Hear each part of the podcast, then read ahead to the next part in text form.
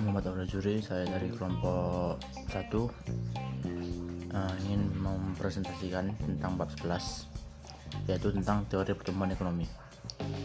Yang pertama, faktor-faktor yang menentukan pertumbuhan. Teori-teori pertumbuhan ekonomi menerangkan faktor-faktor yang menimbulkan dan menentukan lajunya pertumbuhan dan pembangunan ekonomi. Kebanyakan dari teori-teori tersebut sudah dikemukakan sebelum para ahli ekonomi mulai tertarik pada masalah-masalah pembangunan di negara berkembang. Satu-satunya ide pengecualian adalah teori neoklasik. Teori tersebut baru mulai dikemukakan pada tahun 1950-an, jadi hampir bersamaan dengan berkembangnya perhatian ahli-ahli ekonomi terhadap masalah-masalah pembangunan di negara berkembang. Teori-teori perkembangan utama yang sudah dikemukakan pada masalah sebelumnya adalah teori pertumbuhan ahli-ahli ekonomi klasik, teori Schumpeter mengenai pembangunan ekonomi dan teori Harold Dolmar. Masuk pertama teori-teori pertumbuhan ahli ekonomi klasik. Ekonomi klasik ini dapat dibedakan menjadi dua golongan. Yang pertama, golongan klasik saja merupakan ahli-ahli ekonomi yang mengemukakan analisisnya sebelum tahun 1970.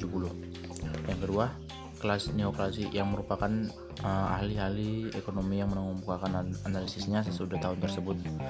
Golongan pertama adalah Adam Smith, David Ricardo, Robert Malthus, dan John Stuart Mill.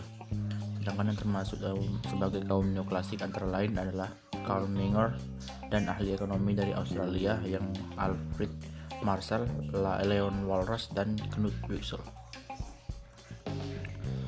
pandangan Adam Smith. Adam, Adam Smith mengemukakan uh, pentingnya kebijakan laissez-faire dan juga men, menumpahkan perhatian kepada masalah pembangunan seperti dilihat dari judul bukunya An Inquiry uh, into the Nature and Cases of the Wealth of Nation. Adam Smith berpendapat bahwa perkembangan penduduk uh, akan mendorong pembangunan ekonomi bertambah akan memperluas pasar dan spesialisasi dalam perekonomian tersebut. Smith mengatakan apabila pembangunan sudah terjadi, maka proses tersebut akan terus berlangsung secara kumulatif.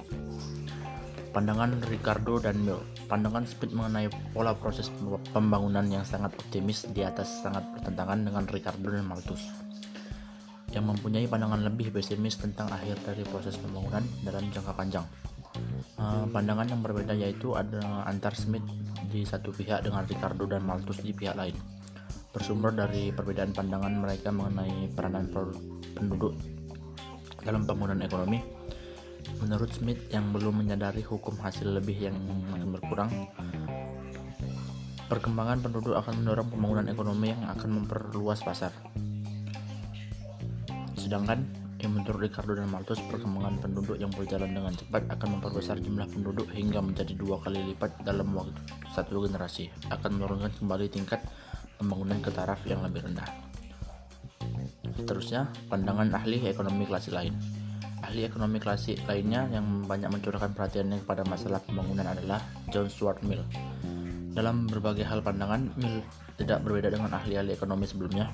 Antara lain, Mill ber ber berpendapat dengan Adam Smith bahwa spesialisasi atau pembagian pekerjaan akan meningkatkan kalian bekerja memperbaiki uh, organisasi produksi dan mendorong dilakukannya inovasi sehingga akan meninggikan uh, tingkat produktivitas dan memperlancar pembangunan ekonomi.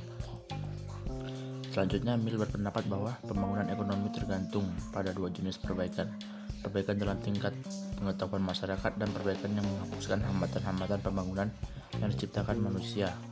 Faktor-faktor yang belakangan ini disebut meliputi kepercayaan adat istiadat dan berpikir yang tradisional. Lalu yang kedua, teori Schumpeter peranan pengusaha dalam pembangunan. Salah satu pendapat Schumpeter yang penting yang selanjutnya merupakan landasan bagi teori pembangunannya adalah keyakinan bahwa sistem kapitalisme merupakan sistem yang paling efisien untuk menciptakan pembangunan ekonomi yang cepat. Jadi, pendapat Schumpeter tidak berbeda dengan pandangan ahli ekonomi klasik yang juga meramalkan bahwa dalam jangka panjang proses pembangunan ekonomi akan mengalami keadaan yang demikian. Menurut Schumpeter, tingkat stagnasi akan dibahas lebih lanjut mengenai pembahasan atau pembangunan dan naik turunnya tingkat kegiatan ekonomi. Selanjutnya, sumber pertumbuhan ekonomi. Schumpeter berkeyakinan bahwa pembangunan ekonomi terutama diciptakan oleh inisiatif dari golongan pengusaha yang inovatif atau golongan entrepreneur, yaitu golongan masyarakat yang beroperasi di uh, yang organisasi dan menggabungkan faktor-faktor produksi lainnya untuk menciptakan barang-barang yang diperlukan masyarakat. Selanjutnya proses pembangunan yang berlaku. Yang dimaksudkan dengan keadaan ini adalah bahwa dalam perekonomian tersebut tidak terdapat perkembangan penduduk, tidak terdapat penanaman modal baru, dan perekonomian menghadapi masalah pengangguran. Kegiatan pembaruan oleh para pengusaha akan mempertinggi pendapatan masyarakat dan menaikkan tingkat konsumsi. Maka menurut Schumpeter, peranan modal dalam perekonomian dapat dibedakan menjadi dua golongan. Yang pertama penanaman modal otonomi dan penanaman modal terpengaruh. Proses pembangunan proses pertumbuhan dalam jangka panjang. Alasan yang dikemukakan oleh Schumpeter untuk menjelaskan terjadinya keadaan tersebut dibedakan dalam dua aspek. Nah, di mana tidak terbukanya kesempatan untuk menanam modal yang menguntungkan sebagai akibat dari perkembangan produk yang lambat. Lalu makin terbatasnya daerah frontiers. Uh, selanjutnya teori Harold Donner syarat untuk mencapai pertumbuhan mantap. Teori pertumbuhan Harold Donner dikembangkan oleh dua orang ahli ekonomi sesudah Keynes yaitu F.W. Donner dan R. F. Harold. Donner mengemukakan teori tersebut untuk pertama kalinya dalam tahun 1947 dalam American Review sedangkan Harrod telah mengemukakannya telah mengemukakannya pada tahun 1939 dalam Economic Journal. Peranan investasi dalam perekonomian. Ah, menurut pendapat kaum klasik, pembentukan modal merupakan suatu pengeluaran yang bertambah kesanggupan untuk suatu masyarakat untuk meningkatkan produksi. Jika kesanggupan tersebut bertambah, maka dengan sendirinya produksi dan pendapatan nasional akan bertambah tinggi dan pembangunan ekonomi akan tercipta. Keadaan ini seperti yang dijelaskan dalam bab lalu, kaum klasik berpendapat bahwa supply creates its own demand. Berarti bertambahnya barang-barang modal yang terdapat dalam masyarakat akan dengan sendirinya menciptakan pertambahan produksi nasional dan pembangunan ekonomi. Karena dayanya keyakinan tersebut kaum klasik tidak memberikan perhatian pada fungsi kedua dari pembentukan modal dalam perekonomian yaitu pertambahan itu akan mempertinggi tingkat pengeluaran masyarakat. Selanjutnya, pemisahan-pemisahan yang digunakan. Teori Donar menggunakan pemisahan tersebut. Nah, yang pertama, pada taraf permulaan perekonomian telah mencapai tingkat kesepakatan kerja, kesempatan kerja penuh dan barang-barang modal yang tersedia dalam masyarakat sepenuhnya digunakan. Yang kedua, perekonomian tersebut terdiri dari dua sektor yaitu sektor rumah tangga dan sektor perusahaan. Berarti pemerintah dan perdagangan luar negeri tidak ada. Besarnya, yang ketiga, besarnya tabungan masyarakat adalah proporsional dengan besarnya pendapatan nasional dan keadaan ini berarti bahwa fungsi tabungan dimulai dari titik nol. Dan yang keempat, kecenderungan menabung uh, marginal besarnya tetap dan begitu juga perbandingan antara modal dengan jumlah produksi. Yang lebih lazim disebut rasio modal produksi dan perbandingan antara penambahan modal dengan jumlah pertambahan produksi yang lazim. Disebut rasio pertambahan modal produksi besarnya tidak berubah. Yang selanjutnya uh, syarat untuk mencapai steady growth. Produk baru penanaman modal yang dilakukan masyarakat dalam suatu waktu uh, tertentu digunakan untuk dua tujuan untuk menghentikan yang pertama untuk menghentikan barang-barang modal yang tidak dapat digunakan lagi dan yang kedua untuk memperbesar jumlah barang-barang yang barang-barang modal yang yang tersedia dalam masyarakat. Terus yang selanjutnya analisis Harold Domar dalam grafik. Teori Harold Domar dapat diuraikan menggunakan pertolongan gambar. Fungsi S adalah gabungan yaitu proporsional dengan pendapatan nasional.